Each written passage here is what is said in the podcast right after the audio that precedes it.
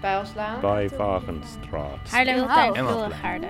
Straat. Geel wit. Paradijsstraat. Anjelierstraat. Westerkijk-Duinstraat. Professor van der Waal. Plaza De. Oosten-Bruinstraat. Tromstraat. Pascal. Cornelis Schoon. Spoorzone Zuidwest. Dit is Radio Zuidwest. Welkom bij Radio Zuidwest.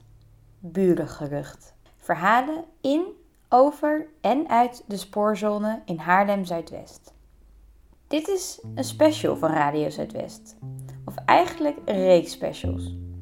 Op 30 augustus 2020 hielden we in de stookkamer in Haarlem-Zuidwest een hele leuke en ook grappige verhalenmiddag. Burengerucht heette het. Augustus van 2020 was de maand van de nieuwe bewoner en we vonden het leuk om verhalen te verzamelen van oude bewoners.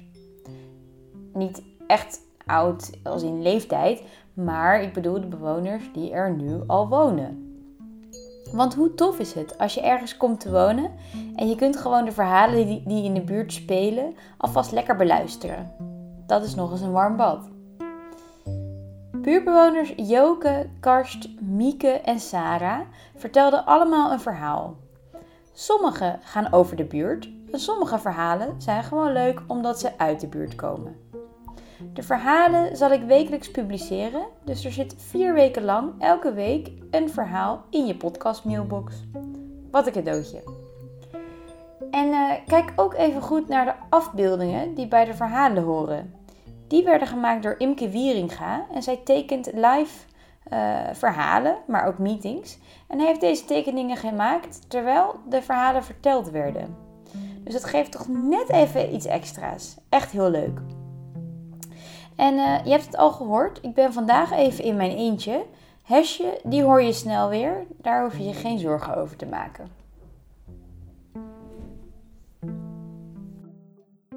Vandaag beginnen we met het eerste verhaal.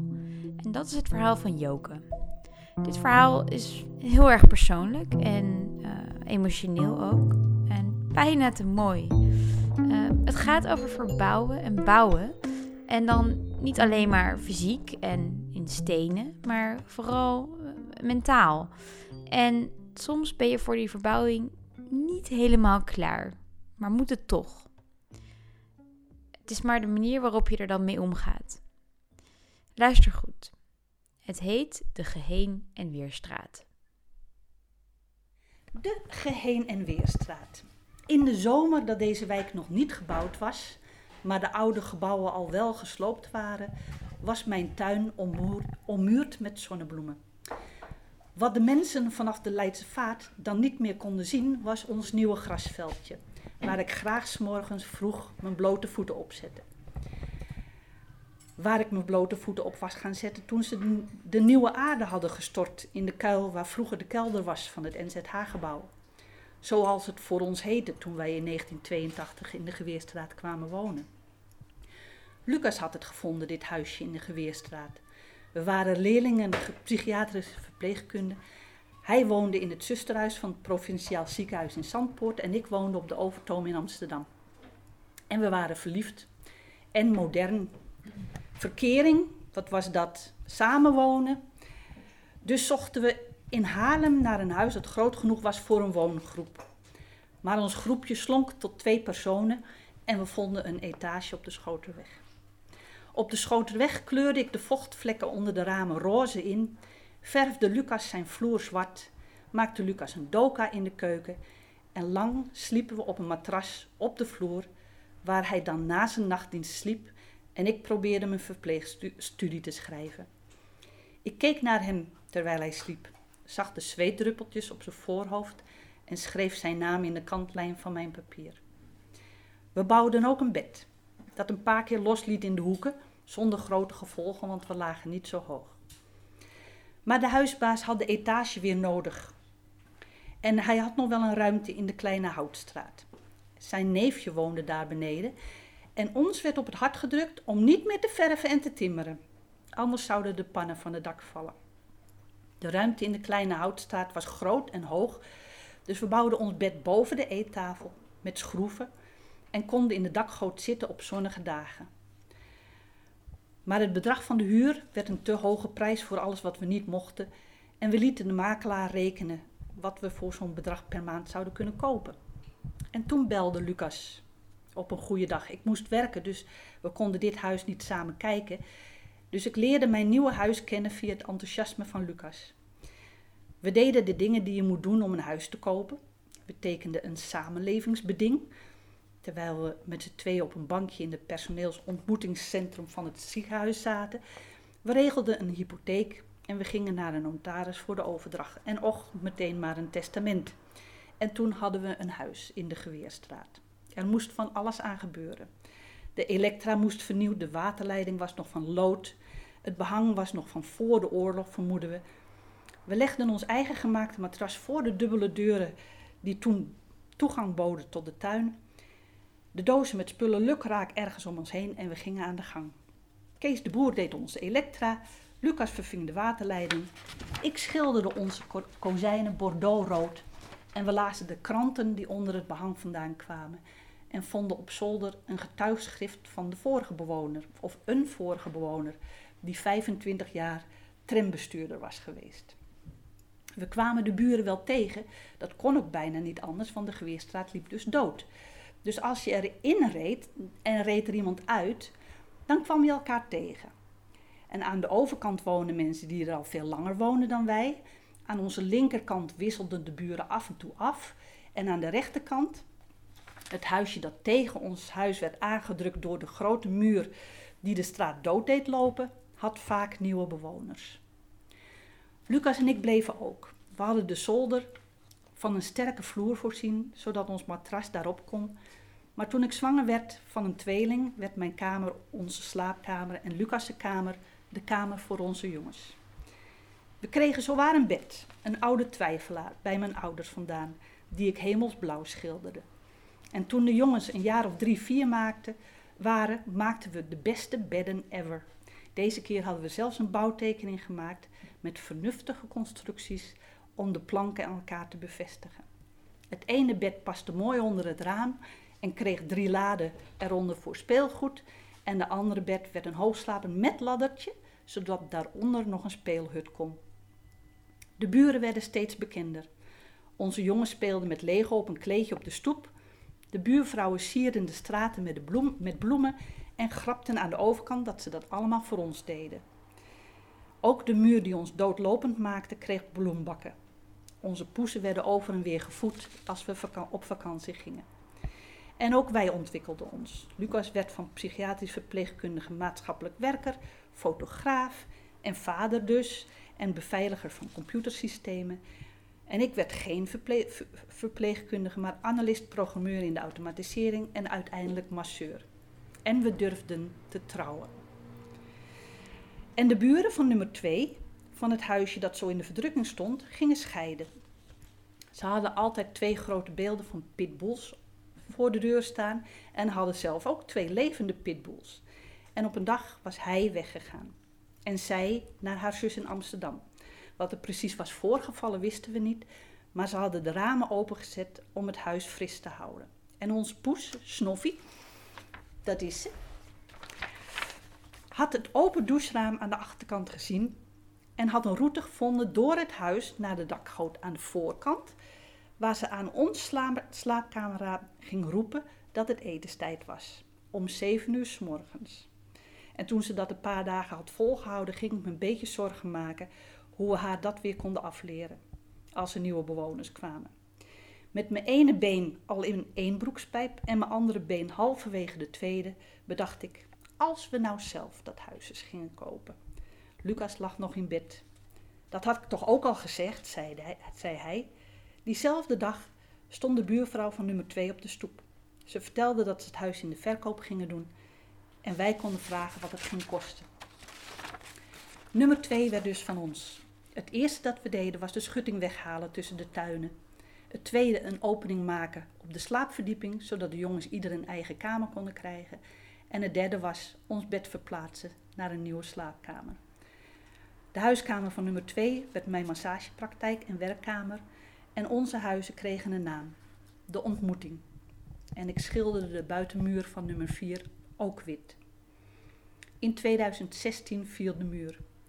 De doodlopende muur, waar we 34 jaar van geloofd hadden dat hij bij onze straat en bij onze achtertuin hoorde, werd weggehaald. We voelden het trillen. Onder onze voeten als we stonden, onder onze billen als we zaten, onder ons hele lijf als we lagen. Het grote gebouw werd met grote happen dan weer steen voor, of, en dan weer steen voor steen om ons heen weggesloopt. En als klein bloot huisje vormden wij het einde van de Geweerstraat. Ik was door de week op zolder gaan slapen omdat ik met mijn gesnurk Lucas wakker hield. Maar na een stormachtige nacht waar ik de wind door de muren voelde waaien, wist ik dat dit erger was dan snurken. Ik ging ook weer door de week naast hem slapen. Hier is tijd voor een gedicht. Hoe ik bang ben. Nooit meer hoef ik nu te vechten voor het recht om bang te zijn. Alles wat mij ooit wou slechten, bracht mij echt en kreeg mij klein. Erg hoor. Kleiner dan ik ooit kon denken, fijner nog, mijn element, waarin ik mij weer weg kan schenken, neergelegd voor wie ik ben.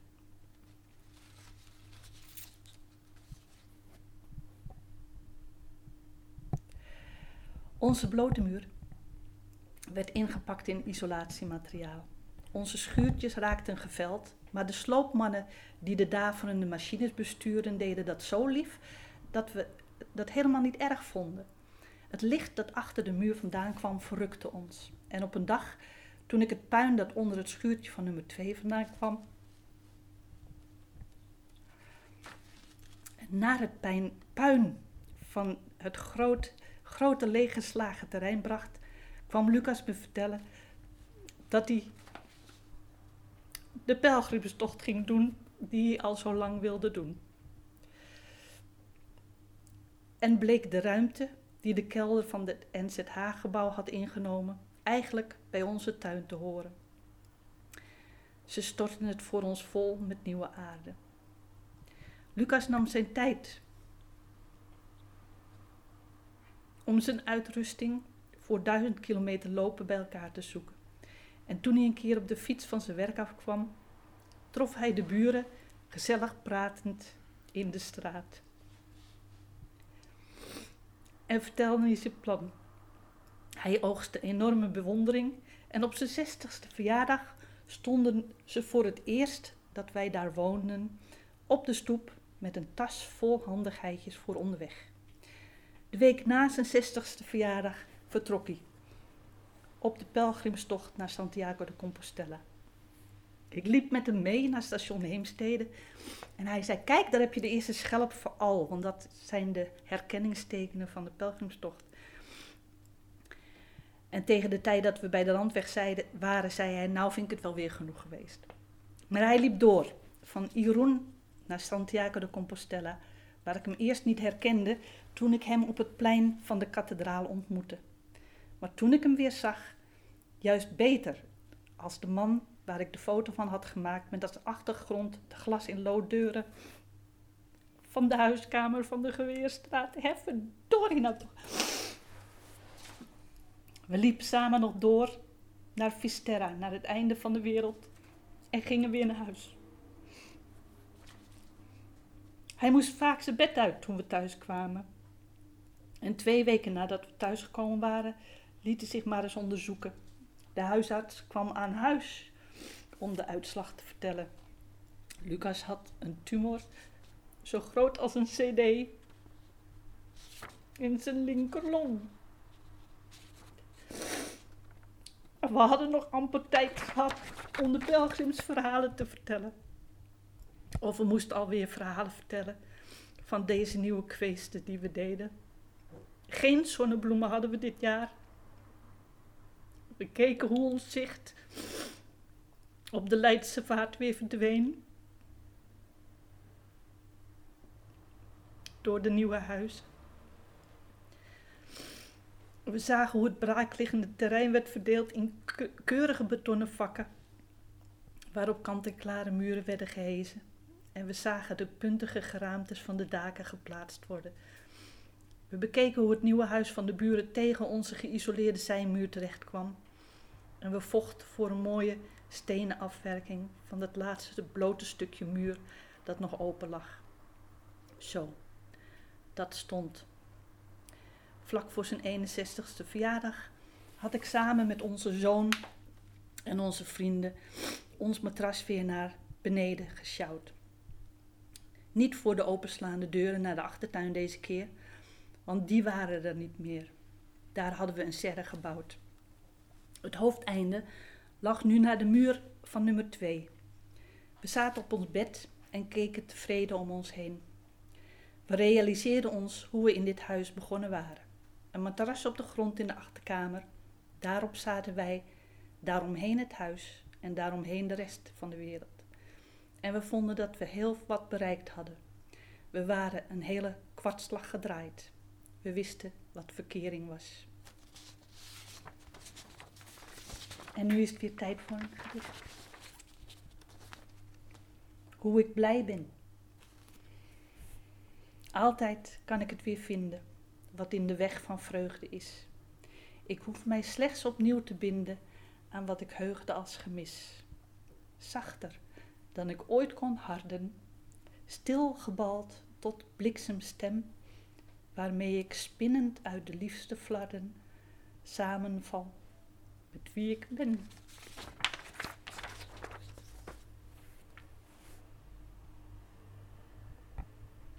Afgelopen.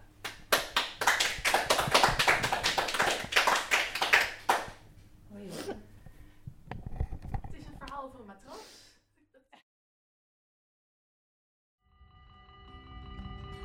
Pijlslaan. Bij Wagenstraat. Haarlem Stilhout. Hout. Willigaarden. Heel wit. Paradeestraat. Anjelierstraat. Westerkijk-Duinstraat. Professor van der Waal. Plaza West. De. Bruinstraat. Tromstraat. Pascal. Cornelis Schoonstraat. Spoorzone Zuidwest. Dit is Radio Zuidwest.